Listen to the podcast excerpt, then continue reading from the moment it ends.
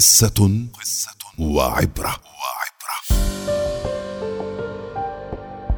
يحكى أنه كان لأحد الإقطاعيين مزرعة تقع بجوار الشاطئ وكان كثيرا ما يعلن عن حاجته لعمال.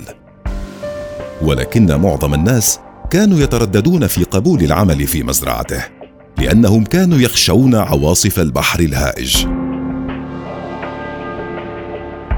وأخيرا اقترب رجل قصير ونحيف متوسط العمر للمالك.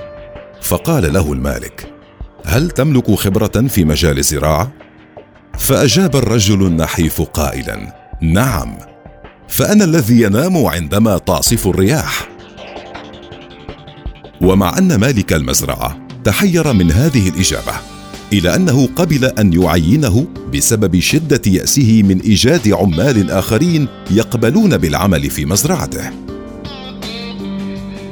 أخذ الرجل النحيف يعمل عملا جيدا في المزرعة وكان طيلة الوقت مشغولا من الفجر وحتى غروب الشمس وأحس المالك بالرضا عن عمل الرجل النحيف.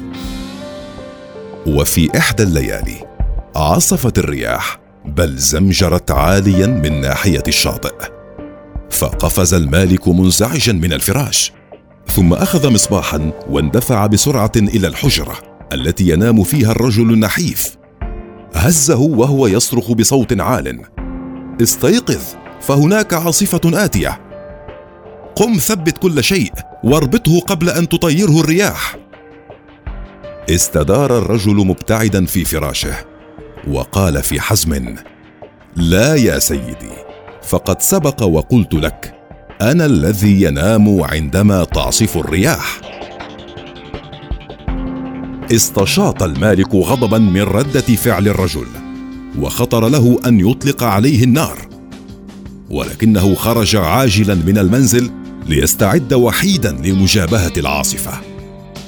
ولدهشته اكتشف أن الحظيرة مغطاة بمشمعات والبقر في الحظيرة. والأبواب وجميع النوافذ محكمة الإغلاق وكل شيء مربوط جيدا ولا شيء يمكن أن يطير.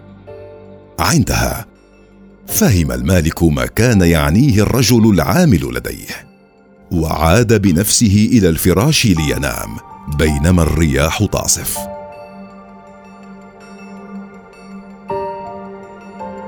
العبرة. حينما تستعد جيدا لمواجهة الحياة فليس هناك ما تخشاه.